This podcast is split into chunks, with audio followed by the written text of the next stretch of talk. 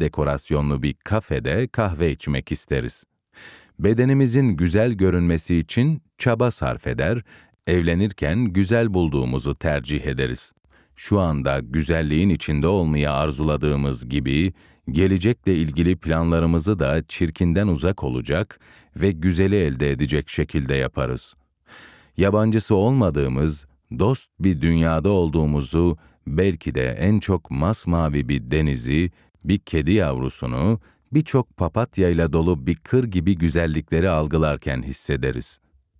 Güzele karşı arzumuz, fıtratımızın derinliklerine işlenmiştir. Güzel, felsefe tarihinde bu kitapta ayrı iki başlığın konusu olan iyi ve gerçekle beraber sıklıkla ele alınmıştır.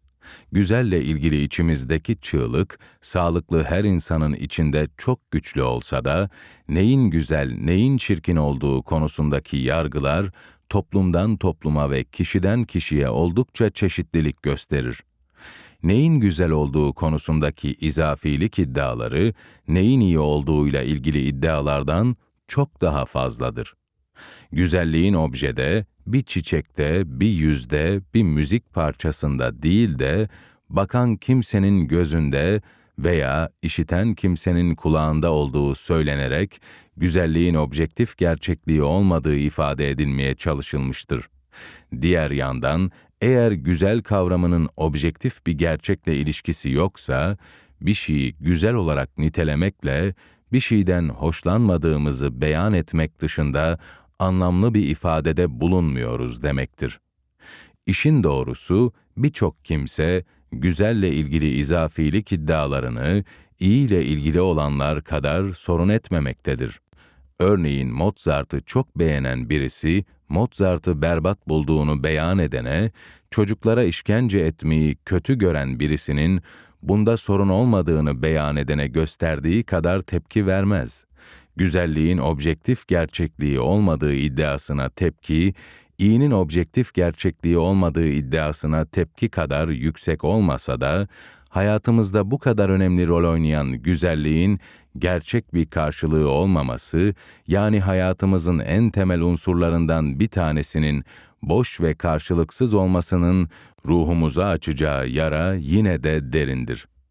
Platon, İbn Sina, Schiller, ve Hegel gibi felsefe tarihindeki birçok etkili ve önemli kişi güzelliğin objektif gerçekliğini savundular ve güzelliğin bireylerin algısı dışındaki gerçekliğini kabul ettiler. Bunlara göre algımızdan bağımsız olarak da zeytin ağacı var olduğu ve zihnimizin 3 çarpı 4'ü 12 olarak hesaplamasından bağımsız olarak da bu işlem 12'ye eşit olduğu gibi, bizim değerlendirmelerimizden bağımsız olarak bir gerçekliğe karşılık gelecek şekilde güzellik vardır. Platon güzelliği idealar alemindeki ezeli bir form olarak tarif etti ve dünyadaki güzelliklerin idealar alemindeki bu basit ve mükemmel ezeli formun sayesinde ondan pay alarak var olduklarını söyledi. Platon güzel ideasıyla Allah'la eşitlediği iyi ideası arasında bağ da kurdu. Ona göre dünyadaki güzellikler bu forma yönlendiren işaret levhalarıdır. Platon'u okuyan Yahudi, Hristiyan ve Müslüman filozoflar, Platon'un idealarını Allah'ın düşünceleri olarak yorumladılar ve dünyadaki sınırlı güzelliklerin kendilerini aşan bir hakikate, güzelliğin kaynağına veya güzele yükselten merdivenler olduğunu, yani Allah'a işaret ettiğini savundular. Farabi'ye göre el evvel olan, Güzelin kaynağı Allah, diğer varlıkların kusurlu ve eksik güzellikleriyle kıyaslanmayacak şekilde eksiksiz ve en mükemmel haliyle güzeldir. Allah için güzel anlamına gelen cemal gibi kavramlar kullanıldığında bu kavramlar diğer varlıklar için kullanımlarından farklı olarak metafizik yetkinlik, mükemmellik ve kusursuzluk anlamını taşımaktadır. Aristo'nun güzellik anlayışı Platon'dan farklı olsa da o da güzelliğin bireylerin algısından bağımsız objektif gerçekliği olduğu konusunda hocası Platon'la hemfikirdi. Aristo, bütünü oluşturan parçaların düzeni, simetrisi ve amaca uygunluğu gibi unsurlarla güzelliği tarif etmeye çalıştı. Matematikle ifade edilebilecek düzenin ve simetrinin güzellik algımızda önemli bir rol oynadığını gösteren veriler mevcuttur. Müzikal seslerin matematiksel oranlarla ifade edilebileceğini Pitagoras çok önceden fark etmişti altın orana yakın cisimlerin birçok insan tarafından daha estetik bulunduğu da bilinmektedir. Buna rağmen güzel bulduğumuz birçok varlığı sadece organların birbirine belli şekilde oranıyla, düzen ve simetriyle açıklamak oldukça zordur. Bu konuda Burke birçok örnek vermiştir. Çok büyük çeşitlilikteki bitkiler aleminde hiç de simetrik olmayan birçok bitkiyi, ağacı, çiçeği güzel buluruz. Vücuduna göre çok uzun boynu olan kuğuyu da, boynuna ve bedenine göre çok uzun kuyruğu olan tavus kuşunu da, çok değişik beden oranlarına sahip başka hayvanları da güzel buluruz. Matematikteki bir formülle güzelliğin tarifini yapmak mümkün gözükmemektedir.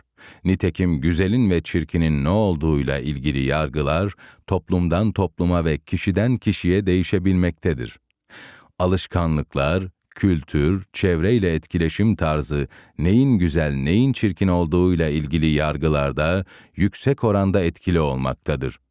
Örneğin birçok bölgenin yerel müziklerini o bölgenin insanları çok beğenirken, başka bölgelerde bu müzikleri çok fazla beğenen olmamaktadır. Güzellikle ilgili yargılarımızdaki bu çeşitlilik, alışkanlıklarımızın ve diğer dış unsurların yargılarımızdaki açık etkisi, güzellikle ilgili nihai yargılarımızın tamamen fıtratımızdan, doğuştan gelen özelliklerimizden kaynaklanmadığını göstermektedir. Fakat neyin güzel olduğunda uzlaşamayanlar bile bir şeylerin güzel olduğunda uzlaşırlar. Güzel olanın değerli ve arzu edilir olduğunda ve çirkin olana karşı tercih edildiğinde de uzlaşırlar. Bunun yanında güzelin bir işaret levhası gibi kendisini ortaya çıkaranın değerli ve kabiliyetli olduğuna işaret ettiğinde de uzlaşırlar. Güzelle ilgili yargılardaki tüm çeşitliliğe rağmen güzel yargısının farklı birçok kültürdeki sağlıklı her insanda olması, bu yargıyla değerlendirme yapmanın fıtrattan, doğuştan kaynaklandığının bir delilidir.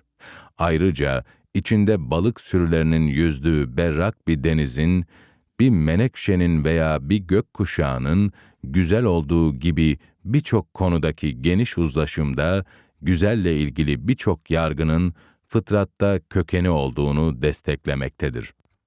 Daha önce Allah'a atıf yapılmadan hazza aşan anlamıyla gerçek mutluluğun sağlanamayacağına, birinci çığlık, bu hayatın anlamı olmayacağına, ikinci çığlık, sevmenin mantıksal temeli olmayacağına, üçüncü çığlık, iyiye rasyonel temel bulunamayacağına, dördüncü çığlık ve herhangi bir alanda gerçeklik iddiasında bulunmanın bile sorunlu olacağına, beşinci çığlık dikkat çekmiştim. Şimdi ise Allah'a atıf yapılmadan güzelin de mantıksal bir temelden yoksun olduğuna dikkatlerinizi çekmek istiyorum. Bunu söylerken ateistlerin herhangi bir doğa manzarasını güzel bulamayacağı veya ateist sanatçı olamayacağı gibi yanlış olduğu apaçık iddialarda bulunmuyorum. Elbette ateistler de birçok doğa olgusunu güzel bulurlar. Elbette teist Bach iyi bir müzisyen ve sanatçı olduğu gibi ateist Lennon da iyi bir müzisyen ve sanatçıydı. Güzelle ilgili algı bütün insanlarda doğuştan var olduğu için bu algıya göre olguları değerlendirme veya bu algıyla sanatsal üretimler yapma, Yahudi, Hristiyan, Müslüman, Hindu, Budist, ateist, putperest herkeste ortaktır. Fakat fıtrattan geldiği için herkes güzel kavramını, iyi kavramını olduğu gibi rahatça kullansa ve bir şeyi güzel olarak değerlendirmenin mantıksal temeli olup olmadığına ilişkin sorunun birçok kişi farkında olmasa da böyle bir sorun mevcuttur. İşin doğrusu birçok kişi güzel olanı elde edip tadını çıkarmaya çalışmakta, böylesi felsefi bir sorgulamaya gerek duymamakta, hatta böylesi sorgulamalardan hayatın güzelliklerinden uzaklaştırabilir endişesiyle kaçınmaktadır. Kendi varoluşları üzerine bir sorgulamadan kaçındıkları gibi.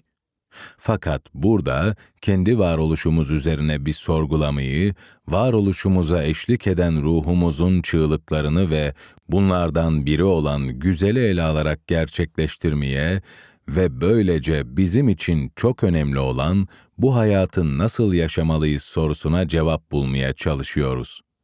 Böylesi bir sorgulama bizi güzelliğin kaynağıyla buluşturacağı için güzelliğin gerçek değerini bulmasını da sağlayacaktır. Bu kaçınılması değil, kucaklanması gerekli bir sorgulamadır. Eğer materyalist ateist dünya görüşü tarafından iddia edildiği gibi güzel olarak nitelendirdiğimiz evrendeki olgular, evrendeki tüm formları oluşturan atomların sadece ve sadece yasalar ve tesadüfler çerçevesinde bir araya gelmelerinden ibaretse, böyle ortaya çıkmış bir olguyu güzel olarak değerlendirip bu olgunun değerli olduğunu söylemenin mantıksal temeli olabilir mi? Atomların belli bir şekilde bir araya gelişini başka türlü bir araya gelişe kıyasla, hatta yokluğa kıyasla değerli kılan ve güzel olarak nitelendiren nedir? Bir müzik parçasının güzel olduğunu söylediğimizde ifade etmeye çalıştığımız materyalist indirgemeciliğin cevabı olan havadaki ses titreşimlerinin nöronlardaki kimyasalları etkilemesinden çok daha fazladır.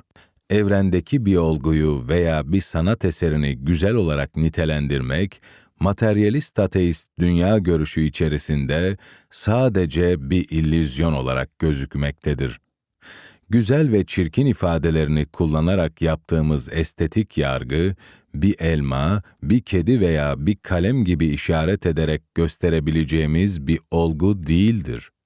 Ancak zihnimizde bir olguyu değerlendirirken ona atfettiğimiz bir değerdir. İyi ve kötü ifadelerini kullanarak yaptığımız ahlaki yargıda böyle değil midir? masum bir insanı öldürmek gibi bir olguyu görsek de bunun iyi veya kötü olduğunu ölen kimsenin kanını işaret ederek gösterebileceğimiz gibi gösteremeyiz.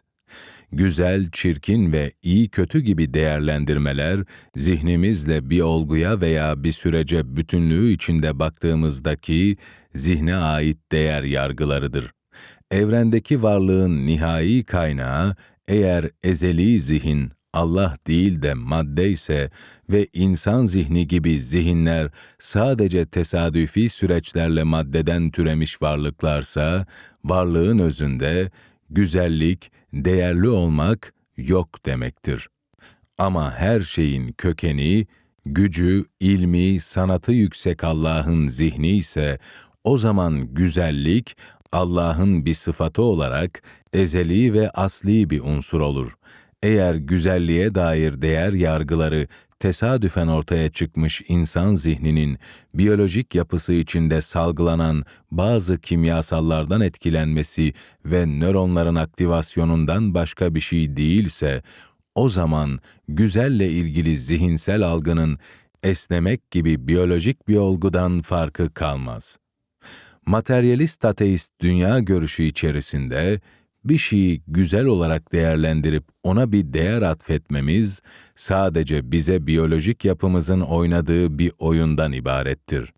Atomların belli şekilde değil de diğer bir şekilde buluşmasını doğada veya sanat eserinde ve esnemeyi değil de güzel olarak algılamayı değerli kılacak bir unsur bu paradigma içerisinde yoktur. Eğer materyalist ateist varlık anlayışı ontoloji benimsenirse, varlık anlayışının merkezindeki maddede anlam, iyilik, sevgi olmadığı gibi güzellik de olmayacaktır. Maddenin yasalarını ifade eden fizik, kimya, biyoloji yasalarında güzel yokken güzel nereden gelmektedir? Fakat materyalist ateist varlık anlayışı değil de Allah merkezli bir varlık anlayışı benimsendiğinde hemen her türlü temel fıtrat unsuru gibi güzelle ilgili algı da farklı bir konuma sahiptir. Bu anlayış içerisinde güzeli biyolojimizin bize oynadığı bir oyun, bir illüzyon olarak göremeyiz. Evrendeki güzellik varlığın nasıl olduğuyla yani ontolojiyle ilgilidir. Güzelliği algılamamız ve değerlendirmemiz ise epistemolojiyle ilgilidir. Ne evren, ne dünya, ne güzel olarak algıladıklarımız ontolojiyle ilgili olanlar, ne de içimizdeki güzelle ilgili algımız epistemolojiyle ilgili olan tesadüfen oluşmuştur. Varlıkla ilgili gerçekliği, ontoloji, anlamamız için güzellik algımız, epistemoloji bize hediye edilmiştir. Maddeden dolayı güzel formlar ortaya çıkmamıştır. Güzel formların ortaya çıkması için madde var edilmiş ve kullanılmıştır. Böylesi bir bakış açısıyla madde değer yitirmez, Allah'ın kudretinin bir ürünü ve ulvi amaçlara hizmet eden bir araç olduğu için yüksek derecede önem kazanır. Dış dünyada yarattığı maddeyle birçok güzelliği ortaya çıkaran Allah, kudret, ilim ve sanatını gereğince takdir edelim diye içimize güzel algısını da koymuştur. Allah denizlerin, çiçeklerin, müziğin ortaya çıkmasının sebebi olduğu için tüm bunların güzelliğiyle ilgili değerlendirmeler aracılığıyla kudretli, bilgili, güzelin kaynağı yaratıcıya ulaşmak değerlidir. Güzellikler nihai sebepleri olan ve kendilerini ortaya çıkaran yaratıcının çok yüksek değerine işaret eder. Teizme göre evren, dünya ve tanık olduğumuz tüm güzellikler, bunların arkasındaki çok yüce bir hakikate yönlendirmektedir. Materyalist ateizme göre ise, güzellik olarak algıladıklarımız indirgendiğinde, arkasında sadece sıradanlık ve tesadüf vardır. Platon, meşhur mağara örneğiyle gözlenen evrenin arkasında gözlenenden çok daha muhteşem bir gerçekliğin olduğunu anlatmaya çalıştı. Yahudi, Hristiyan ve Müslüman birçok felsefeci ve ilahiyatçı da gözlenen evrenin kendisinden çok daha yüce bir varlık olan yaratıcısına işaret ettiğini ifade ettiler. Hayatımızı yaşarken güzeli değerlendirmek açısından ikili bir yol ayrımındayız. Birincisi, materyalist ateizmle tutarlı bir şekilde güzel algımızı dünyada aş ve eş seçmek gibi hususlarda pratik faydası olan ama bir gerçekliği olmayan, tesadüfen oluşmuş bir illüzyon olarak görmek. İkincisi ve bence olması gereken, güzelliği gözlenen evrenden evreni aşkın yaratıcısına ulaşabilmek için fıtratımıza konulmuş bir araç ve doğru değerlendirildiğinde güvenli limana taşıyan bir nimet olarak görmek. Burada bir hususu vurgulamak istiyorum. Tabiatta ortaya çıkan manzaraların güzelliği gibi sanatçıların ürettiği eserlerin güzelliği de insanları Allah'a taşır. Birçoğumuz tabiatta ortaya çıkan güzellikleri Allah'ın zihninin ürünleri olarak görürüz. Sanat eserlerini ise sanatçının zihninin ürünleri olarak görür ve Allah'la aralarında bağlantı kurmayız. Oysa bu evrende ortaya çıkan doğanın olsun, sanatın olsun her formu Allah'ın evrene koyduğu potansiyelin ürünleridir. Bir şeyin potansiyeli onun ortaya çıkarması mümkün olan bütün formlarını ifade eder. Bir şeyden ancak potansiyelinin el verdikleri ortaya çıkabilir. Bunu anlamada legolar iyi bir örnektir. Bir lego kutusundan ortaya çıkan parçalardan yüzlerce form yapabilirsiniz. Ama ne kadar kabiliyetli olursanız olun, isterseniz dünyanın en gelişmiş yapay zekalarından yardım alın, o kutunun legolarının potansiyelinde olmayan bir formu ortaya çıkaramazsınız. Örneğin piyasada satılan Lego kutularından çıkan parçaları birleştirerek işlem yapan bir bilgisayar veya gerçek bir timsah ortaya çıkaramazsınız. Bütün evreni de böyle bir Lego kutusu olarak düşünebiliriz. Bu evrendeki sayıları 120'nin altında olan elementler, karbon, oksijen, demir gibi bu büyük Lego kutusunun parçalarıdır. İşte bu parçaların çeşitli şekilde birleşmesi ve değişmeleriyle oluşacak formlar dışında evrende bir şeyin ortaya çıkması mümkün değildir. Eğer evrendeki bu elementlerin potansiyelinde yıldızların, gezegenlerin, kuşların, sürüngenlerin, balıkların, mantarların, virüslerin ortaya çıkması mevcut olmasaydı, bunlar asla açığa çıkamazdı. Evrendeki her varlık, evrenin potansiyelinde ortaya çıkması mümkün olduğu için vardır. Hiç şüphesiz evrenin yaratıcısı, evrene böylesine zengin potansiyeli bilinçli olarak koymuştur. Yarattığı parçaların birleşmesiyle nelerin ortaya çıkacağından habersiz olması düşünülemez. Bence Allah'ın varlığının, kudretinin, bilgisinin en önemli delillerinden birisi, evrendeki güzellikleri de kapsayan bu zengin potansiyeldir. Bazı felsefecilerin evrendeki ontolojik bir gerçeklik olarak güzellikten ayrı bir argüman olarak epistemoloji ile ilgili bir konu olan evrendeki güzelliği algılayabilmemizi hareket noktası yaptıklarını da hatırlatmak isterim. Schelling, sanatın sonlu ve sonsuzu bir araya getirmesine ve Allah'ın idrak edilmesine katkısına dikkat çekmiştir. İnsanların sanatsal üretimleri de evrenin potansiyeli bunlara el vermeseydi var olamazdı. Örneğin, evrenin potansiyeli bu kadar çeşitli müzik türünün ve parçasının ortaya çıkmasını mümkün kıldığı için bu kadar çeşitli müzik türü ve parçası ortaya çıkabilmektedir. Tek bir müzik parçasının bestecisi olmadan ortaya çıkamayacağını rahatça anlayanların, bu kadar farklı türde bu kadar çok müzik parçasının ortaya çıkmasını mümkün kılan potansiyeliyle notaların yaratılışının, tüm müzik parçalarından çok daha fazla övgü ve hayranlığı hak ettiğini rahatça anlamaları gerekmez mi? Evrenin potansiyeli, siyahı, beyazı, sarısı, yeşili, kırmızısıyla renkleri ve bunların birçok şekilde karışımını mümkün kıldığı için ressamların tabloları da ortaya çıkabilmektedir.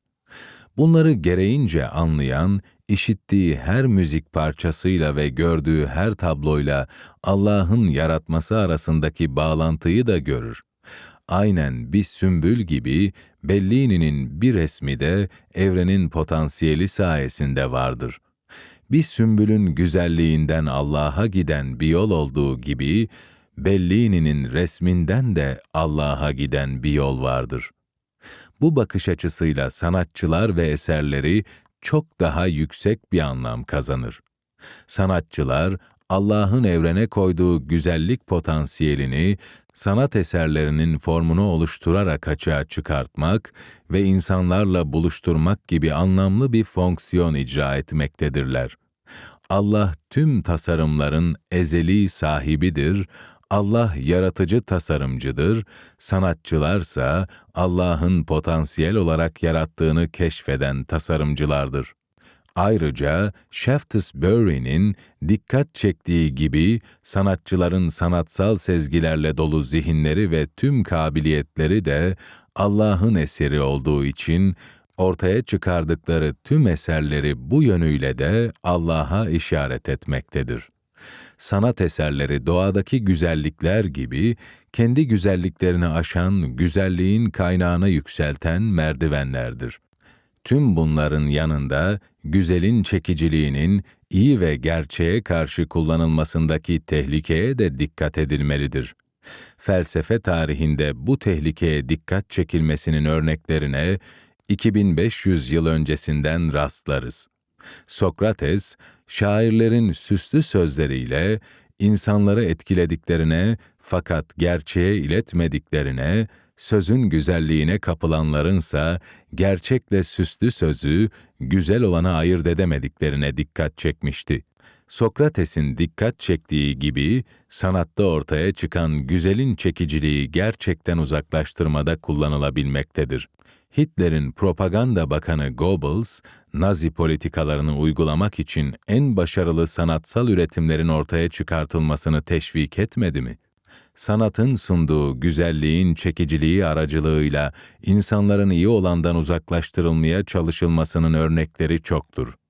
Agustin, günahkar dönemini anlatırken Allah'la ilişkisini kurmadan güzelin peşine düştüğü dönemde nasıl acı, kargaşa ve hatalar içinde kaldığına ancak Allah'ın güzelliğin kaynağı olduğunu anlayarak bunlardan kurtulduğuna dikkat çeker.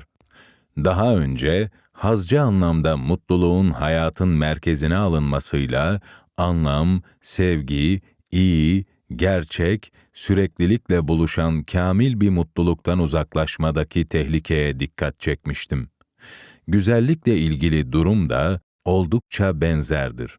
Güzelin çekiciliği, anlam, sevgi, iyi, gerçek, süreklilik ideallerinden uzaklaştırmada da kullanılabilir ve kullanılmaktadır. Yine daha önceden dikkat çektiğim KPH, karizma para haz merkezli hayat görüşünün hayatın en önemli hedefi yapılmasında da sanat aracılığıyla sunulan güzelliğin çekiciliği kullanılmaktadır. Bu konudaki en önemli örneklerden biri uzun süre önünde vakit geçirilen ekranlarda gösterilen birçok dizi ve film aracılığıyla yaygınlaştırılan hayat görüşleridir. Bu sanat yapıtlarının fonunda kullanılan müziklerle, dekorlarıyla, özenle yazılmış diyaloglarıyla seyirciye güzelliğin birçok unsuru sunulmaktadır. Bu yapımların birçoğu oldukça yüksek bütçelerle yapıldıkları için en son teknolojinin imkanları da güzellik algısının oluşturulmasında kullanılmaktadır. Seyircinin uzun süre vakit geçirdiği ekranlar karşısında bu yapıtların güzelliğinin çekiciliğine kapılıp bu yapıtların sundukları çerçevesinde sevgi, iyi, gerçek hakkındaki fikirleri şekillenebilmektedir. Burada güzelliğin bizatihi kendisinin kandıran unsur olduğu gibi bir yanılgıya da düşülmemelidir. Müziğin tınısı veya renklerin uyumu kandırıcı unsur olamaz. Fakat fondaki etkileyici müzikle birlikte sunulan, ekrandaki kötülüğü öven mesajlar elbette zararlı olabilir ve olmaktadır. McLuhan'ın dikkat çektiği gibi ekranlar kulağın ve gözün uzantısı gibi olmuştur ve insan adeta narkoz altındaymış gibi bu uzantılarının farkına varmadan dışarıdan, ekranlardan gelen etkilerin altına girmektedir. Bunun nedeni güzelin çekiciliğine kapılan kişinin güzel olarak algıladıklarının aynı zamanda iyi ve gerçek olduğunu sanabilmesidir. Ruhun ideali, fıtratın tüm çığlıklarının karşılığını bulmasıdır. Ama güzel algısının oluştuğu ortamda iyi ve gerçekle bir çelişki varsa, güzelliğin iyi ve gerçek olana rehberlik etmesi değil, iyi ve gerçek olanın güzel olarak sunulanın değerlendirilmesine rehberlik etmesi gerekir. Bunun aksi, lokomotifin vagonlara çektirilmeye çalışılması kadar yanlış olacaktır. Pekala, bir kişi güzelle buluşurken iyi veya gerçek olanla çelişebilir. Örneğin Rembrandt'ın bir resmini çalıp güzeli elde edip duvarına asmayı planlayan kişi bu eylemiyle güzel olana ulaşacak olsa da iyi olandan uzaklaşacağı için iyiyi öncelemeli ve bu planından vazgeçmelidir. Veya holdingler arası çekişmeleri anlatan çok güzel bir diziyle paranın ve gücün dünyadaki en önemli hedefler olduğu ve bu hedeflere ulaşmak için her yolun meşru olduğu algısı oluşturulabilir ama burada da iyilik rehber olmalı ve bu hedefler için her yolun meşru olduğu algısına kanılmamalıdır. Markus gibi bazı filozoflar 20. yüzyılda yaygınlaşmaya başlayan, ekranlardan karşılaşılan sanat yapıtlarının güzelliğin insan zihnini etkilerden manipüle etmesiyle ilgili tehlikeye dikkat çekti. Markus'a göre İnsanların kendileri ve toplumları üzerinde sağlıklı değerlendirme yapamamalarının ve tek boyutlu kalmalarının en önemli sebebi medyadır. Günümüzde bunun en çok karşılığı her türlü ekrandan karşılaşılan yapıtlardır. Horkheimer ve Adorno da bu tip araçlar sebebiyle insanların gerçekle kurguyu, rasyonelle irrasyonele ayırma yetisini ve zihinlerinin özelliğini kaybetmelerini eleştirdiler. Elbette Marcus, Horkheimer ve Adorno'nun tehlike olarak gördüğü bu hususlar burada anlatılmaya çalışılanlardan farklıydı. Ama onların küreselleşmenin yeni aygıtlarının dünya görüşü oluşturma hususunda olumsuz etkide bulunma gücünü tespitleri burada dikkat çekilen hususlar açısından önemlidir. Tarihin hiçbir döneminde sanatsal yapıtların çekiciliğinin kötüye ve yalana yöneltmesinin tehlikesi çağımızdaki kadar büyük olmadı. Sokrates'ten beri dikkat çekilen bu tehlikeye karşı tarihin önceki dönemlerinden çok daha fazla uyanık olmak zorundayız.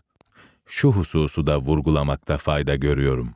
Sorun olan, güzelliğin dünyevi zevklerde haz unsuru olarak hedef kılınması değildir. Sorun olan, her şeye ve güzelliğe de, onun sayesinde sahip olduğumuz Allah'tan uzaklaştırmada kimi güzelliklerin araçsallaştırılması veya hedef yapılmasıdır.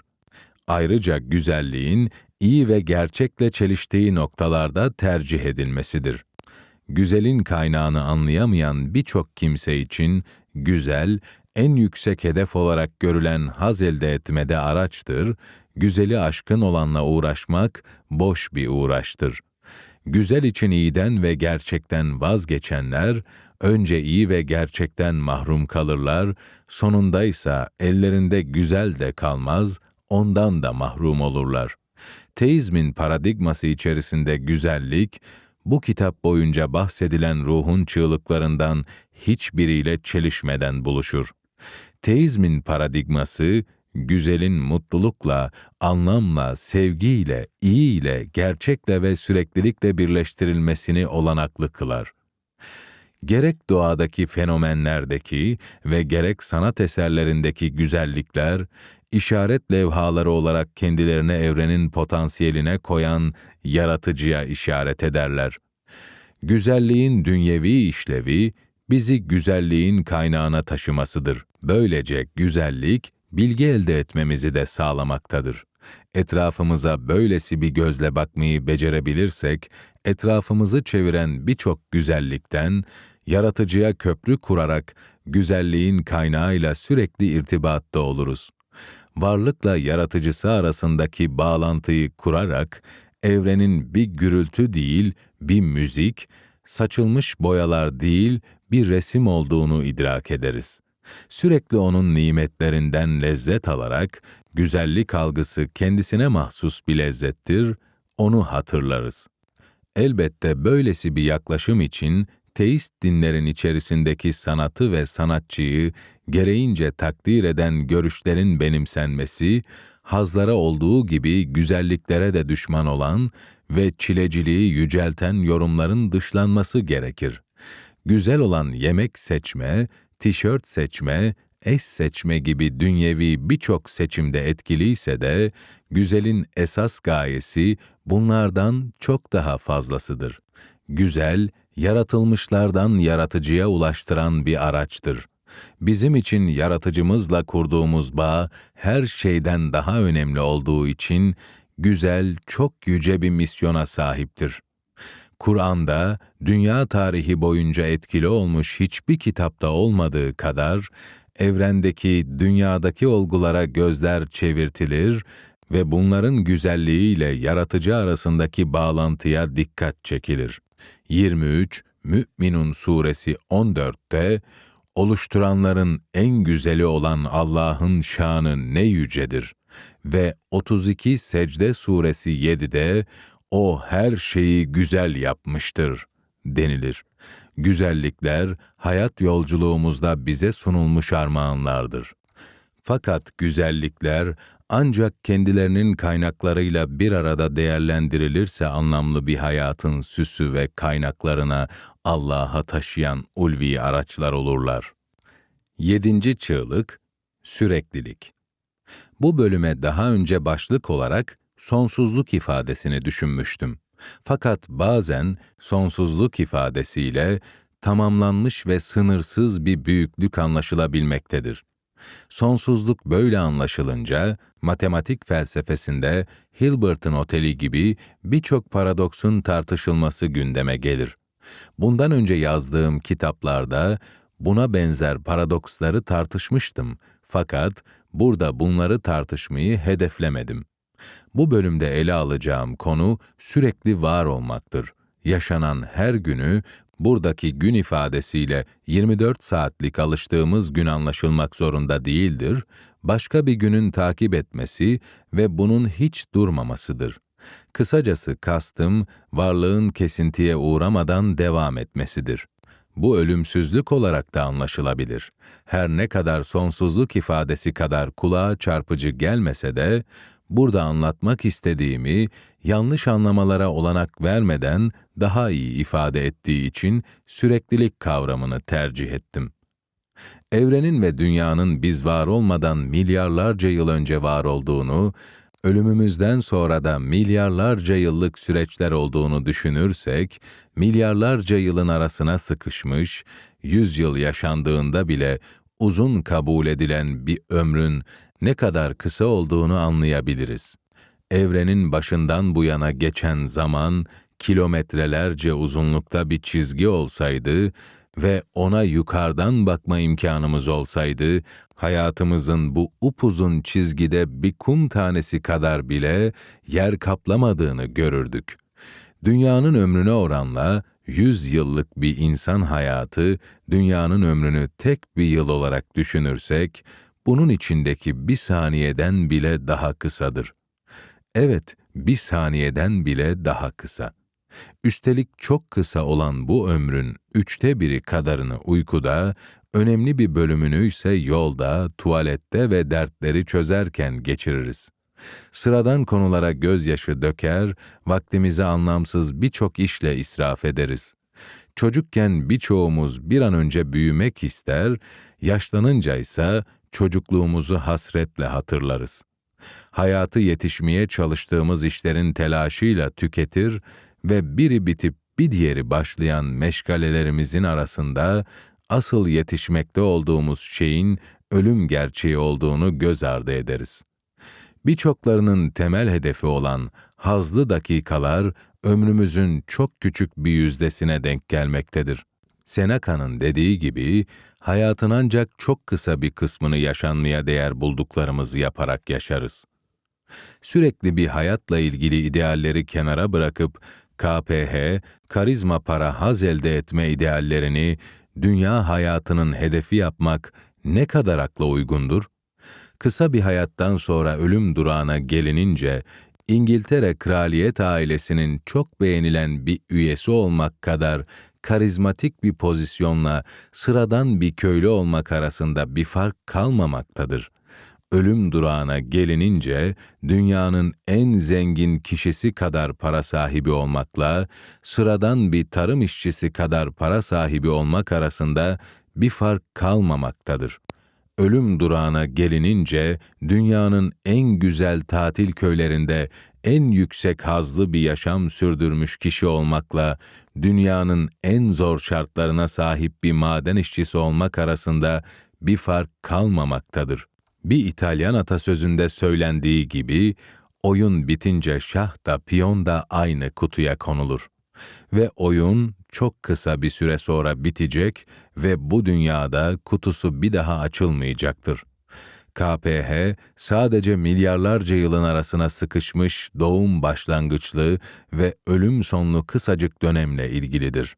Hiç kimse ölüm durağından sonrasına ne dünyadaki pozisyonunu, ne servetini, ne de hazlarını taşıyabilme gücüne sahiptir. KPH hedefi en istenen şekilde elde edilmiş olsa bile çok kısa süre sonra ölüm durağında terk edilmeye mahkum sevgilidir. Nitekim ateist filozof Schopenhauer da arzuladığımız bir hedefi elde ettiğimizde onun anlamsız ve bomboş olduğunu anladığımızı ifade etmiştir. Materyalist ateist bir bakış açısıyla bakıldığında dünya ile sınırlı her hedefin anlamsız olduğu şüphesizdir. Zamanın hızlı geçişi, KPH sahibi olduğumuz her anı yok etmektedir. Zaman adeta hoşa giden anların düşmanıdır. Hızla geçerek elde etmek isteyip de sonunda elde ettiğimiz durumları yok etmektedir. Diğer yandan zaman adeta istenilmeyen anların dostudur. Hızla geçerek içinde olmaktan hiç hoşlanmadığımız durumları da yok etmektedir. Zamanın hızlı geçişinin hoşnut olunan ve olunmayan durumları eşitlemesinin KPH hedeflerini önemsizleştirmesine karşı KPH avcıları KPH elde etmenin önemini bizim ve başkalarının hafızasının bu kazanımı muhafaza etmesinde aramaktadır. Bu düşüncenin kendimizi kandırma olup olmadığını anlamak için şöyle bir durumu hayal edelim. Diyelim ki geçen yıl çok istediğimiz bir dans yarışmasını kazanarak kitlelerin gözünde çok karizmatik olduk.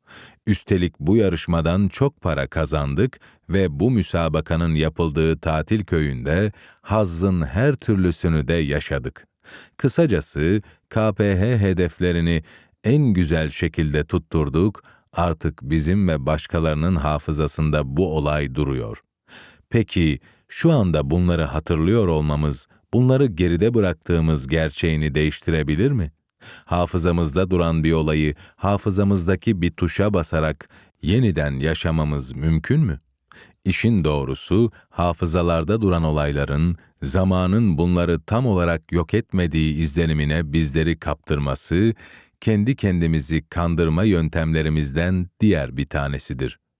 Zamanın dünyada hedefleyip elde ettiğimiz anları yok etmesinin, bu yaşamı geçici KPH hedefleri doğrultusunda kurmayı anlamsızlaştıracağından korkanlar, insan hafızasının sahip olmadığı özellikleri vehmederek hafızalarda kalmaya yüksek anlam yüklemişlerdir.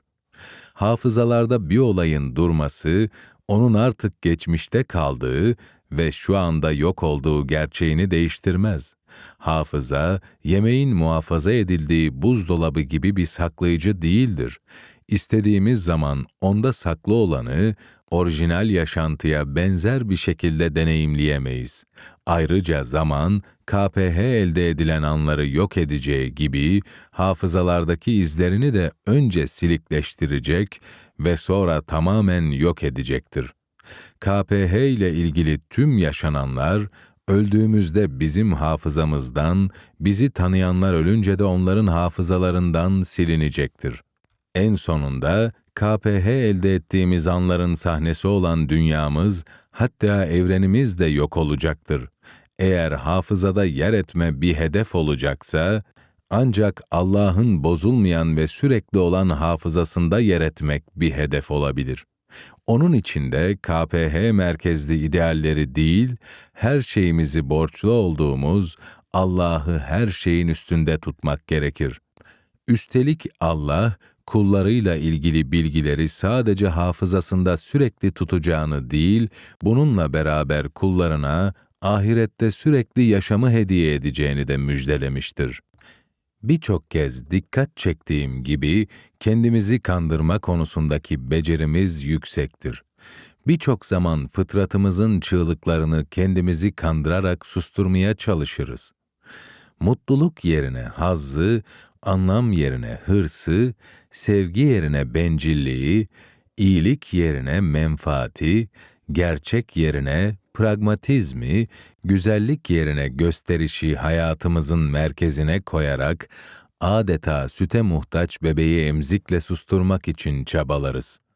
Benzer şekilde ruhumuzun süreklilikle ilgili çığlığını da sahte cevaplarla susturmak için çırpınırız. Örneğin dünyada kalıcı eserler veya kalıcı şöhret bırakarak bu dünyada yapılan eserlerde veya insanların dilleriyle hafızalarında sürekliliği, ölümsüzlüğü yakalamaya gayret ederiz. Bu boş bir teşebbüstür.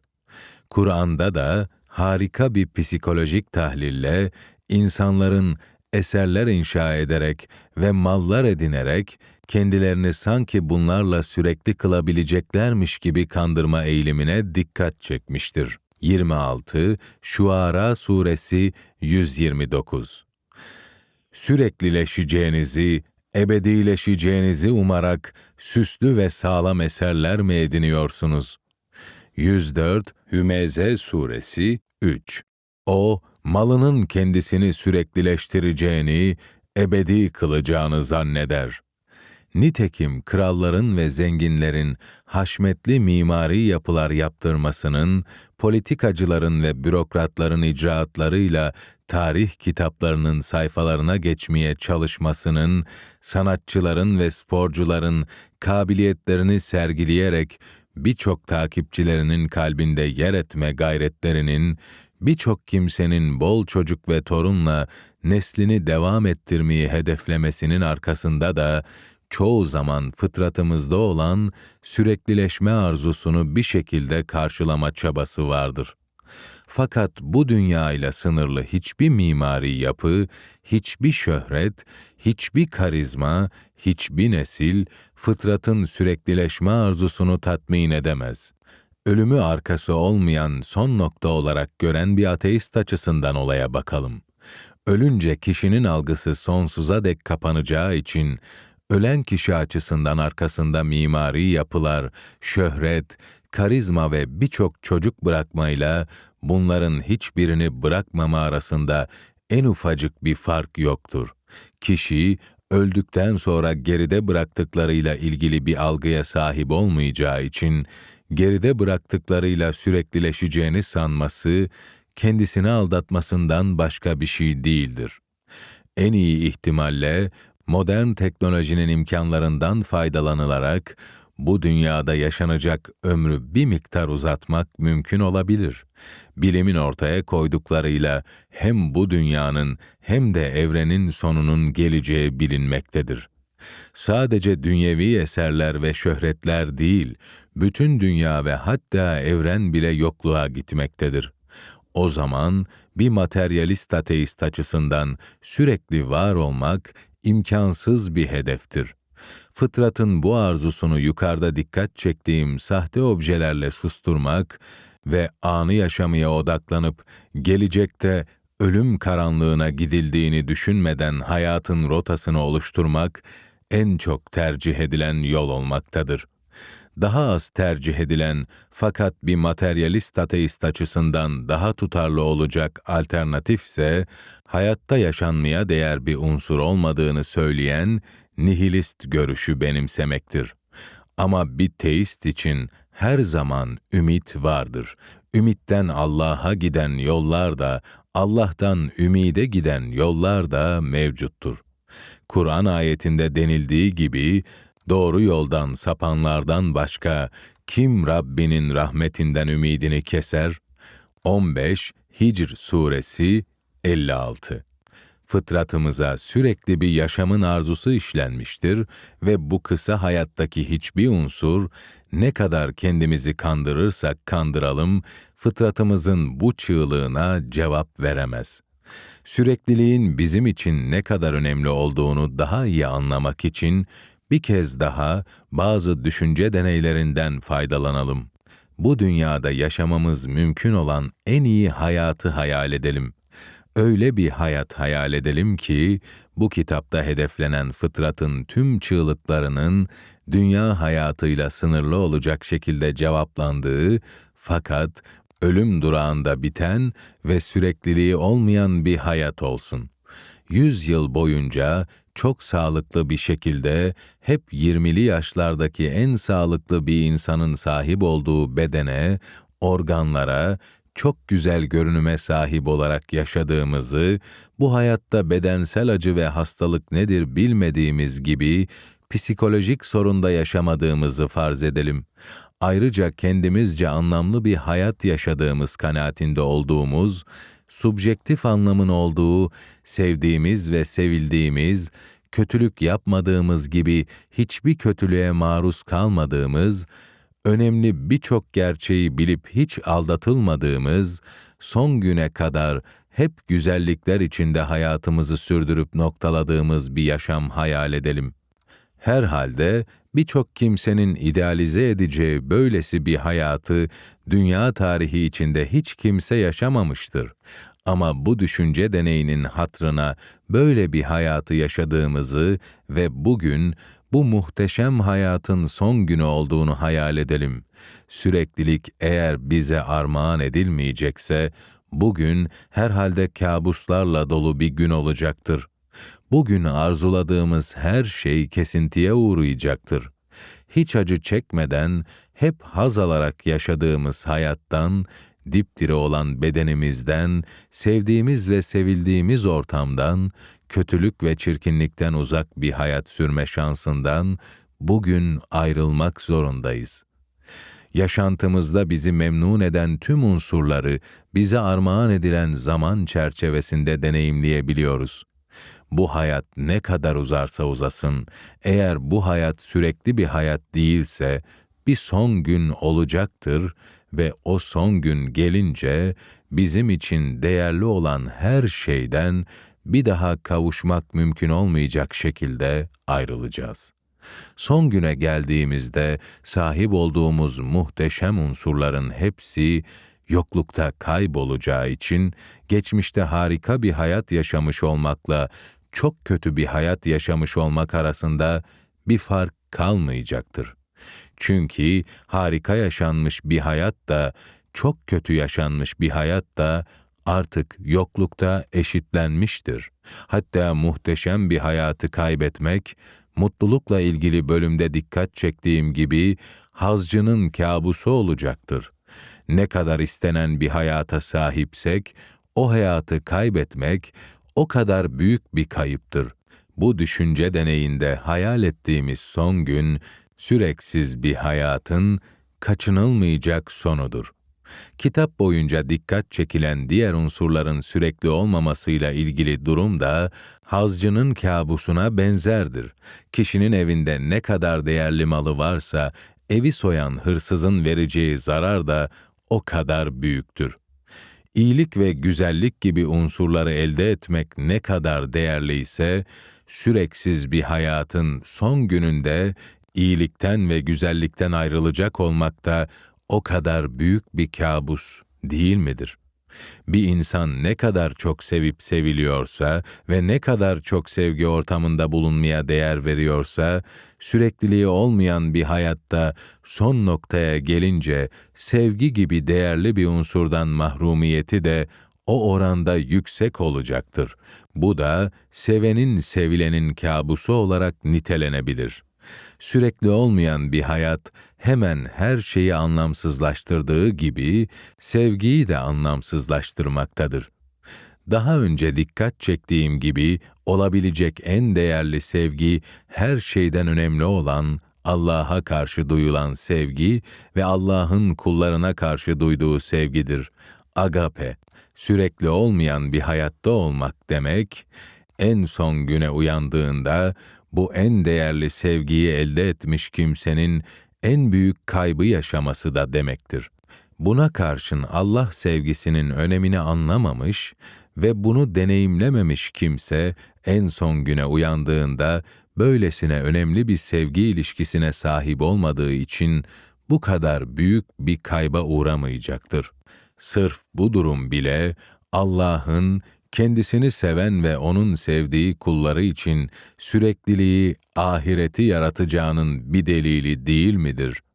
Allah'ın kendisi için çok kolay olan sürekliliği, kendisini seven ve onun da sevdiği kulları için yaratmayarak, son gün gelince bu kullarını kendisini umursamayan kullarına göre daha kötü bir duruma sokabileceğini düşünemiyorum.'' Sahip olduğumuz tüm muhteşem unsurların devamını da isteriz. Ruhumuzun süreklilikle ilgili çığlığı çok güçlüdür. Bazı düşünürler fıtratımızın bu özelliğini ahiretin varlığının bir delili saymışlardır. Bir Fars atasözünde bu durum çok veciz bir şekilde ifade edilmiştir. Vermeyi istemeseydi, istemeyi vermezdi. Allah içimize susama hissi verince karşılığında suya ulaşma imkanını, acıkma hissi verince karşılığında yemeğe ulaşma imkanını vermiştir. Allah'ın içimize sürekli bir yaşam isteğini koyması, sürekli bir hayata ulaşma imkanının bir delilidir. Allah isteseydi, içimize süreklilikle ilgili bu hissi koymazdı. Bizi çok uzun bir geçmiş ve çok uzun bir gelecek hakkında düşünebilecek zihinsel donanımla yaratmazdı. Nitekim çevremizde gördüğümüz birçok canlı, kelebekler, solucanlar, inekler gördüğümüz kadarıyla çok uzun bir gelecek hakkında düşünmüyorlar. Allah'ın fıtratımızda sürekli var olmakla ilgili bu isteği yaratmış olması, vermeyi istemeseydi istemeyi vermezdi çıkarımıyla birleşince sürekli bir hayata, ahirete kavuşacağımız görüşünü desteklemektedir. Elbette bu görüşün geçerli olması için öncelikle Allah'ın varlığını anlamış olmak gerekmektedir. Bu yaklaşım Allah'ın varlığı anlaşıldıktan sonra ahiretin varlığına inanmanın ne kadar rasyonel olduğunu göstermektedir. Allah'ın varlığı anlaşılınca temel her konuya olduğu gibi sürekliliğe bakış açısı da kökten değişir. İşin doğrusu burada ele alınan ruhumuzun çığlıkları içinde en rahat şekilde süreklilikle ilgili çığlığın ancak ve ancak Allah varsa cevaplanmasının mümkün olduğu anlaşılmaktadır. Bazıları Allah'a atıf yapmadan dünyevi hazlarla mutlu olmayı, hayatın anlamını kendileri kurmayı, dünya hayatındaki sevgilerle yetinmeyi, rasyonel temele oturtmadan iyiyi benimsemeyi, mantıki temellerini sorgulamadan bilimin sunacağı gerçekle yetinmeyi, dünyevi güzellikleri elde etmeyi düşünerek ruhun diğer çığlıklarını bir şekilde susturma yoluna gitmektedirler. Kendisini kandırma becerisi yüksek insanoğlunun ruhun süreklilikle ilgili çığlığını bir şekilde susturamayacağını söylemiyorum. Hatta önceki satırlarda bunun örneklerini de vermeye çalıştım. Fakat diğer çığlıklarla kıyaslandığında ruhun süreklilikle ilgili çığlığının insanın kendisini kandırarak susturması en zor çığlık olduğunu söyleyebilirim. Heidegger'in de dikkat çektiği gibi ölüm, sadece kendisine doğru ilerlediğimiz bir hedef değil, aynı zamanda bizi bir gölge gibi takip eden, hep yanımızda olan, bugünümüze etki eden bir gerçektir. Her an kendisine doğru ilerlediğimiz ölümün gölgesi üstümüzdedir, ölümü görmezden gelen çoktur ama inkar edebilecek olan yoktur. İçindeki süreklilik arzusunu önceki satırlarda dikkat çekildiği gibi kendi varlığından sonra sürecek eserler veya şöhret bırakarak susturmaya çabalayanlar bile bunların kendi varlıklarının sürekliliğini sağlayacağını ciddi bir şekilde savunamazlar. Ancak bu hayatı yaratan bir Allah'ın var olması durumunda ölüm durağından sonra yeni bir hayatın başlayabileceği ve bu hayatın sürekli kılınabileceği çok açıktır. Kur'an'ın şu ayetlerinde dikkat çekildiği gibi ilk yaratılışı Allah'ın yaptığını anlamak, onun için ölümden sonraki yeniden yaratılışı gerçekleştirmesinin ne kadar kolay olduğunu anlamak için yeterlidir.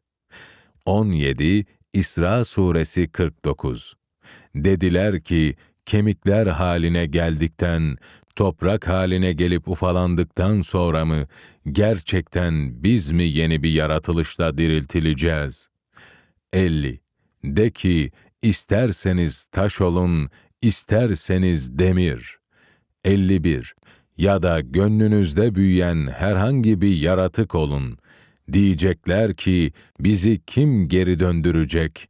De ki, sizi ilk kez yaratan kimse O.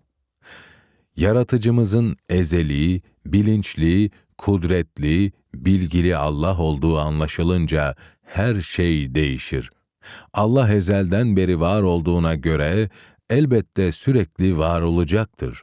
Onun yok olması, sürekliliğinin kesintiye uğraması, mümkün değildir.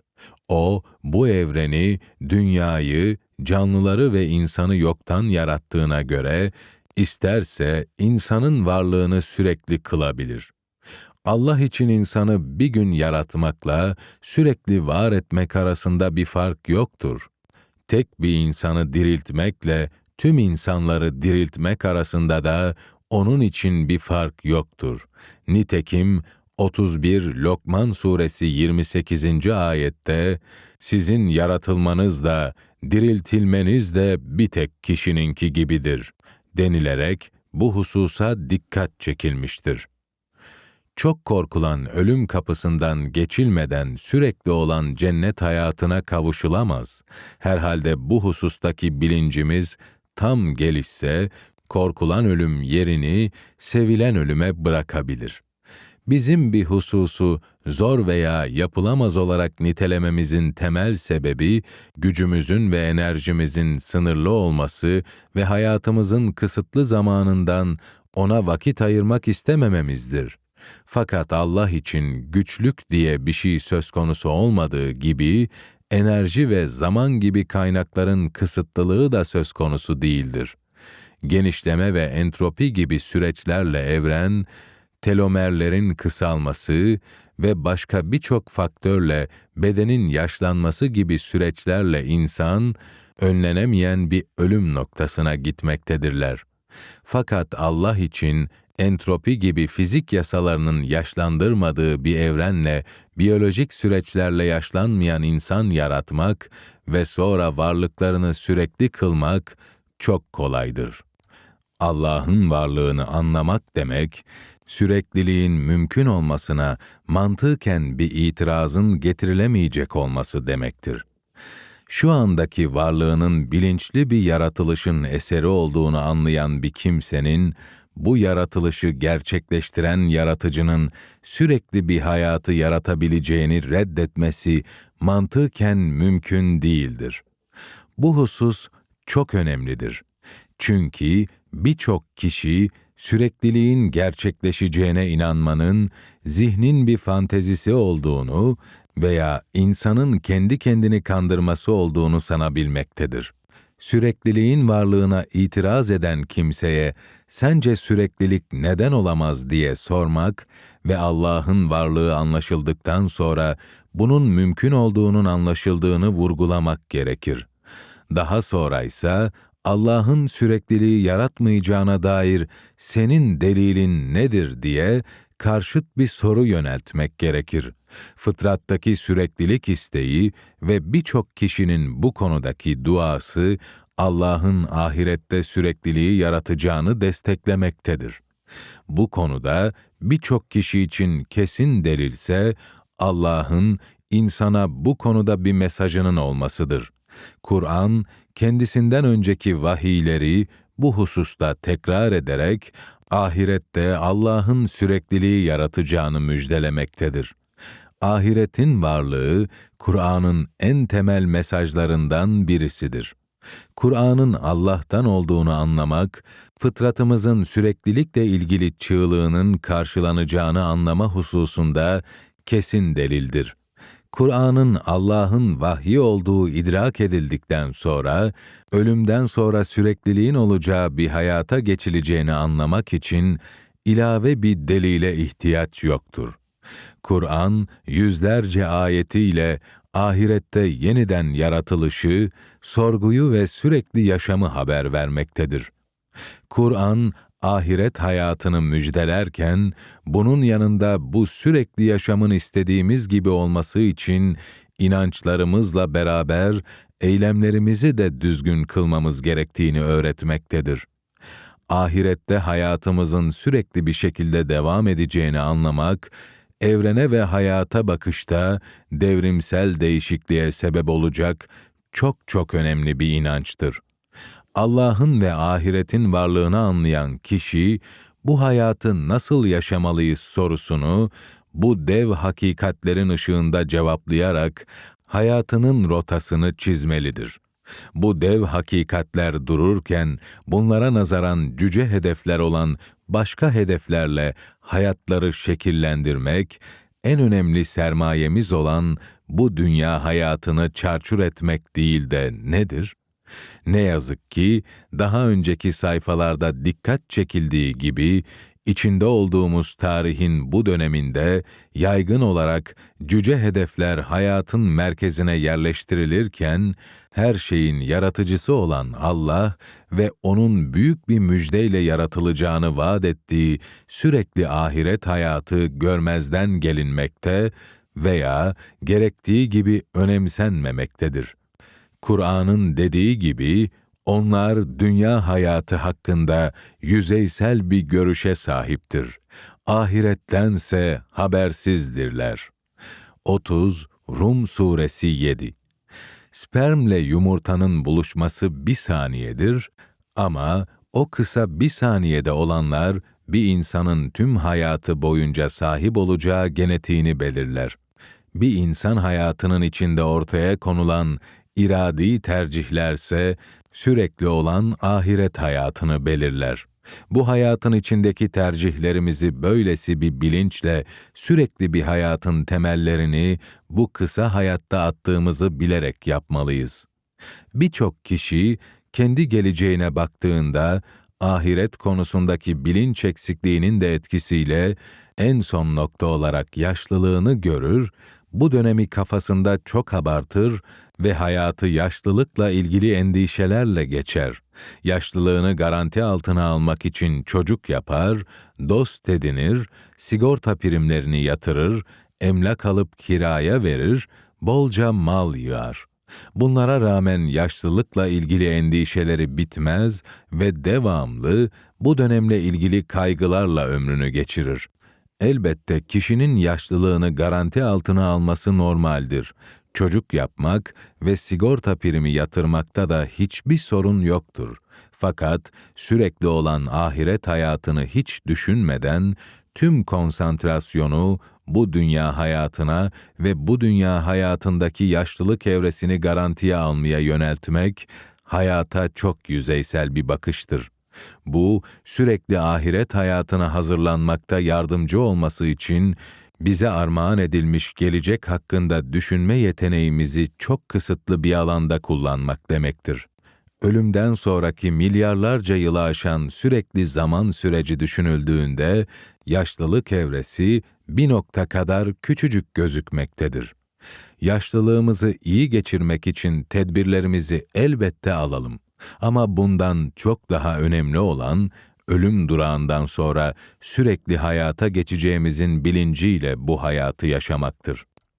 Ölümden sonra sürekli bir hayata geçişin varlığına inandığını ifade eden birçok kişinin bile hayatlarının emeklilik dönemine denk gelen son 10-20 yıllık süresinde rahat etmek için yaşamları boyunca harcadıkları zihinsel ve bedensel çabanın onda birini ölümden sonraki sürekli hayat için harcamadıkları görülmektedir.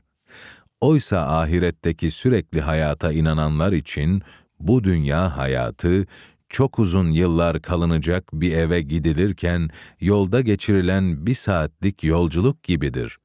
Birçok kişinin ahirette ne olacağından daha çok endişelendiği yaşlılıkta veya ölümden az önce çekilen sıkıntılarsa, bu eve yerleşmek için yolculuğun sonunda bavulları taşıyarak geçirilen zahmetli kısa süre gibidir. Allah'a ve ahirete inandığını beyan etmek, bu hayatı nasıl yaşamalıyız sorusuna doğru cevap için yeterli değildir. Bununla beraber göz ardı etmeyi terk etmek, Allah'la ahiret inancının hayatın yönünü belirlemesi gerektiğini zihnen idrak etmek ve hayatı buna göre yaşamak gereklidir. Felsefede Sokrates gibi sorgulanmayan hayat yaşanmaya değmez diye hayatı sorgulamaya davet edenlere ve teist dinlerin hayatla ölüm üzerine tefekküre yönlendirmesine karşı bu konuda düşünmekten kaçanlar ne kadar da çoktur. Kur'an'daki sürekli ahiret hayatına dair atılımlarda bulunan iki özelliğe de dikkatlerinizi çekmek istiyorum. Birincisi, bu anlatımlar mecburen kesitli anlatımlardır. Kur'an'daki ifadelerden ahiretteki sürekli hayatta çok ihtişamlı bir yaratılışın 76 İnsan Suresi 20 olduğu anlaşılmaktadır. Türkiye'nin sadece Antalya ilinde mevcut olan tüm otelleri anlatsak, Kur'an'dan hacim olarak çok daha kalın birçok cilt kitap olurdu. O zaman Antalya'daki otellerden çok daha detaylı olduğunu düşündüğümüz ahiret hayatıyla ilgili anlatımlar kaçınılmaz olarak kesitlerle olmak zorundadır. Kur'an ahiret hayatıyla ilgili tüm detayları verseydi, herhalde binlerce ciltlik bir kitap olması gerekirdi. İkincisi, Kur'an'da anlatılan kesitler benzetmeli anlatımdır, yani teşbihtir. Ahirette insanların hoşuna gidecek birçok nimetin gerçek niteliklerini hiç kimsenin bilmediğini söyleyen 32 Secde suresinin 17. ayeti bu hususu desteklemektedir. Kur'an'ın bu nimetleri anlatmasının tek yolu benzetmeli anlatım, teşbih yapmaktır. 3. Ali İmran suresinin 7. ayetinde Kur'an'ın bir bölümünün benzetmeli anlatım olduğuna dikkat çekilmiştir. Bundan 500 yıl önce birine günümüzün uçağını anlatmaya çalıştığınızı düşünün. Bu kişi uçak ve motor gibi ürünleri görmediği için kullandığı dilde bunların karşılığı olmayacaktır. O zaman tek çareniz benzetmeli anlatım yapmaktır. Örneğin bu durumda uçak için demirden kuş gibi, motor için kuşun midesi gibi, uçakta yanan yakıt için kuşun midesinde yanan ama kuşa zarar vermeyen odunlar gibi benzetmeler yaparak anlatmak dışında çareniz yoktur. 500 yıl önce uçağın demirden kuş ve kuşun midesi ifadeleriyle benzetme yapılarak anlatıldığı kişi, uçağın aslını ne kadar anlayabilirse, şu anda ahiret hakkındaki anlayışımız herhalde ondan bile uzaktır. Sonuçta kesitlerle anlatılandan çok daha fazla unsurun olduğu, ipucu mahiyetindeki benzetmelerle anladığımızdan çok daha şaşırtıcı bulacağımız ahiretteki nimetlerin aslını ancak görünce anlayabiliriz. Bazıları ahiretteki sürekli yaşamın sıkıcı olabileceğiyle ilgili endişelerini dile getirmekteler. Bu hususta dikkat çekmek istediğim birkaç nokta var. Öncelikle acı çekmek ve sıkılmak, şu andaki zihnimizin hissettiği ve bu dünyada önemli fonksiyonları olan duygulardır. Acı sayesinde vücudumuzu zarar görmekten koruruz. Örneğin ateşin üzerine elimizi koyduğumuzda acı çekmeseydik, elimizi çekmeyebilirdik ve elimizin dokularında sinirleri zarar görebilirdi. Ayrıca dünyada acının varlığını anlamamız, ahiret hayatında da acının mümkün olduğunu anlamamızı ve bu hayatta karşımıza çıkan kötülük yapma tehlikelerinde bunu da göz önünde bulundurmamızı sağlar. Eğer insanlarda sıkıntı hissinin verdiği motivasyon olmasaydı, herhalde birçok teknolojik buluş ve sanat eseri gerçekleşmezdi. Ayrıca sıkıntı, zengin fakir, genç yaşlı, arzuları gerçekleşen gerçekleşmeyen hemen herkesin az veya çok tattığı bir histir. Bu dünyada bu his, bu dünya hayatına aşırı bağlanmayı ve sadece bu dünya hayatı merkezli hedeflerde hayatın anlamını aramayı önler. Sıkıntı hissi iyi değerlendirilirse, anlamlı bir hayata yönelten bir alarm vazifesi görebilir.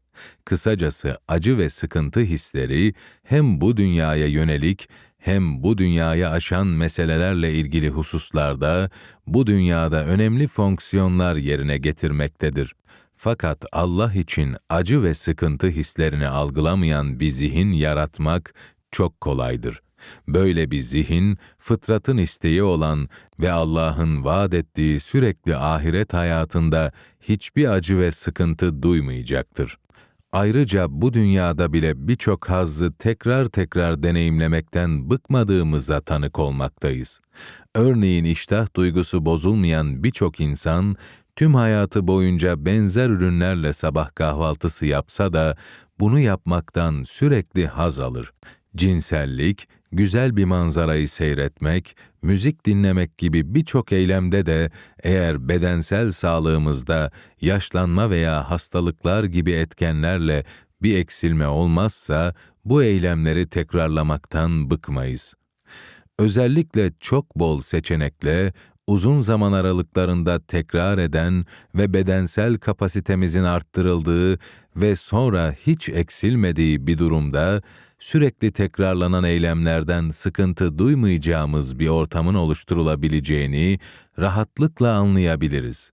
Hele böyle bir ortamı sıkıntı ve acı gibi hislerin bizden alınmasıyla da birlikte düşünürsek, böyle sürekli bir hayatı kim istemez? Hem tekrarlanmayan hem tekrarlanan nimetlerden dolayı yaratıcıya şükretmek ve ona minnettarlık duymak, sürekli olan ve sıkıntı vermeyen ilave bir mutluluk kaynağı olacaktır. Sürekli bir ahiret hayatı Allah sayesinde var olacağına göre bu sürekli hayatı Allah'ın sürekli yenilikler yaratabilen kudret ve bilgisine tanıklıkla beraber düşünmek gerekir. Allah'ın sürekli yenilikler yaratması, ahiretin hep yeniliklere tanıklık edilecek, sürekli şaşılacak ve heyecanlanacak bir yer olmasını sağlar. Bu da ahirette tek düze bir yaşam olacağı endişesini geçersiz kılmaktadır. Sevgiyle ilgili bölümde dikkat çekildiği gibi Allah'ın sevgisini sevgi yapan cennet değildir ama cenneti cennet yapan Allah'ın sevgisidir sürekli bir hayatın anlamlı bir hayat olmasını sağlayan Allah'ın varlığıdır. Allah'ı daha iyi tanımak, marifetullah, Allah'ı seven ve Allah'ın rızasıyla sevgisini kazanmış bir kul olarak yaşamak, sürekli bir ahiret hayatını anlamlı kılan en önemli unsurlardır. Bunlar, önceki satırlarda dikkat çekilen her türlü nimetten daha üst seviyede kazanımlardır. Bunların dışındaki nimetlerin bile sürekli bir hayatta sıkıcılıktan uzak olması mümkünken, olabilecek en anlamlı ve en değerli bu unsurlar her türlü sıkıcılıktan ve anlamsızlıktan çok uzak olacaktır. Manevi olan unsurları, değerlerini idrak ettikten ve elde ettikten sonra bunlara karşı arzumuz geçmez. Allah'ın rızasını kazanınca Allah'ı sevince ve Allah tarafından sevildiğimizi bilince, bu manevi unsurlara karşı daha da çok bağlanır, bunların devamını daha da çok isteriz. Şu anda içinde bulunduğumuz dünya hayatı ancak böylesi sürekli bir hayatı yaşama idealiyle şekillenirse yaşanmaya değer bir hayat olacaktır. Allah'ı hayatın merkezine koymak, bazılarının sandığı gibi azla yetinilen bir hayatı hedeflemek değildir. Tersine, olabilecek en büyük ideallerin gerçekçi bir şekilde hedeflendiği anlamlı bir hayatı benimsemektir. Bunlar hayal veya ütopya değildir. Her şeyi veren, kaynakları tükenmeyen Allah'ın vaad ettiği ve kazanılmasını hedef olarak önümüze koyduğu nimetleridir. 37 Saffat Suresi 58. Bir daha ölmeyeceğiz değil mi? 59. İlk ölümümüz dışında azaba da uğratılmayacağız. 60. Muhakkak bu büyük kurtuluştur. 61. Çalışanlar böylesi bir kurtuluş için çalışsın. Son söz. Milyarlarca yıl önce yaratılmış evrenin ve dünyanın içinde çok kısa zaman önce doğduk. Çok kısa süre sonra ise hepimiz öleceğiz. Ölümümüzden sonra da zaman milyarlarca yıl akıp gidecek. Milyarlarca yılın arasına sıkışmış şu kısacık dünya hayatımız, bütün sermayemiz. Bu hayatı nasıl yaşamalıyız sorusuysa bizim için olabilecek en temel soru ve buraya kadar bu sorunun cevabını bulmaya çalıştık. Bu sorunun cevabını sadece zihinsel bir tatmin için bulmaya çalışmadık. Hayatımıza yön vermesi için gaflet örtüsünü üzerimizden atabilmek ve bu hayatı ona göre şekillendirmek için bulmaya çalıştık. Bunun için ruhumuza içkin yedi tane arayışın sesine kulak verdik. Ruhumuzun mutluluk, anlam, sevgi, iyi, gerçek, güzel ve süreklilikle ilgili çığlıklarını. Fıtratımızın bu çığlıklarını gereği gibi değerlendirmek, bu hayatı nasıl yaşamalıyız sorusunun cevaplanması için yüksek öneme sahiptir. Bu kitap boyunca Allah'a ve ahirete inancın bu hususlardaki merkezi önemi gösterilmeye çalışıldı. Ancak bu inançlar temelinde ruhun bu çığlıklarının cevaplanmasının mümkün olduğu ortaya konuldu. Dünya hayatımız ancak bu inançlar temelinde şekilleniyorsa yaşanmaya değer bir hayat olacaktır ve sürekli olan ahiret hayatımızın da dilediğimiz gibi olması için bu inançların şekillendirdiği haliyle dünya hayatını yaşamamız gereklidir. Mutsuz olmak, birinci çığlığın tersi, anlamsız bir hayat yaşamak, ikinci çığlığın tersi, sevgisiz hatta nefretle dolu olmak, üçüncü çığlığın tersi, kötülükler içinde olmak, dördüncü çığlığın tersi, gerçeklerden uzak olup aldatmacaya inanmak, beşinci çığlığın tersi, çirkinlikler içinde yaşamak, altıncı çığlığın tersi ve sahip olduğumuz her şeyi ölüm durağında yitirmek. Yedinci çığlığın tersi bizim için büyük sorunlardır. Tutarlılıkla beraber mutluluğu yakalamak, hayata anlamlı bir rota çizmek, en değerli sevgiyi hissetmek, iyilikleri rasyonel temellerini bilerek gerçekleştirmek, birçok önemli konuda gerçeğin bulunabileceğine güvenmek, güzelin yanılsama olmadığını saptamak ve öldükten sonra yeniden diriltilip sürekli yaşatılmanın masal olmadığını anlamak, Allah'la ahiret hakkındaki inançla ve bu inançlara uygun şekilde yaşanacak hayatın özgür iradeyle tercihiyle ilgilidir. Arzulanan hakikat, mutluluk, varoluşsal hakikat, anlam, kalbi hakikat, sevgi, ahlaki hakikat, iyi, bilimsel ve felsefi hakikat, gerçek, estetik ve sanatsal hakikat, güzel ve zamansal hakikat, süreklilik ancak ve ancak Allah'la ve ahiret hayatıyla karşılıklarını bulabilir. Allah ve ahiret inancı en önemli hakikatleri hakikat yapan en temel hakikattir. Ruhumuzun tüm farklı arayışları tek bir varlıkla, Allah'la irtibatımızla gereği gibi cevaplanmaktadır. Allah'ın her şeyi onunla irtibatlandıralım, her şeyde ona açılan kapıları görelim ve onun razı olacağı hayatı yaşayalım diye ruhumuzu bu çığlıklarla donattığı anlaşılmaktadır. Allah'ın muazzam hediyesi olan bu hayatı, hayatı vereni yok sayarak yaşamak ve çok yakında gelecek ölüm yokmuş gibi hayatımızı şekillendirmek ne akla ne de vicdana uyar. Bu kısa hayatta kendi hikayemizi geriye dönüp de baştan düzeltilmesi mümkün olmayacak şekilde yazmaktayız. Bu hikayemiz sonsuza dek Allah'ın hafızasında kalacak ve bizim sürekli ahiret hayatımızdaki konumumuzu belirleyecektir. Elbette irademizle yaptığımız seçimlerimizin bedelini ödeyecek olan yine biz olacağız. Her şeyi yaratan Allah, evrende ve fıtratımızda kudretini ve bilgisini gösterdiği gibi yolladığı vahiylerle hayatımızı nasıl yaşamamız gerektiğini de bildirmiştir. Vahiylerle gelen haber nasıl bir hayat yaşamamız gerektiğinin reçetesini içermekte ve ahiretteki sürekli hayatı müjdelemektedir. Ertelenemeyecek kadar önemli bir mesajla karşı karşıyayız. Bu mesajın önemi başka hiçbir şeyle kıyaslanamayacak düzeydedir ve harekete geçilmesi gereken zaman yarın değil, bugündür. 42 Şura Suresi 47 Allah'tan geri çevrilmesi imkansız bir gün gelmeden önce Rabbinizin çağrısına uyun.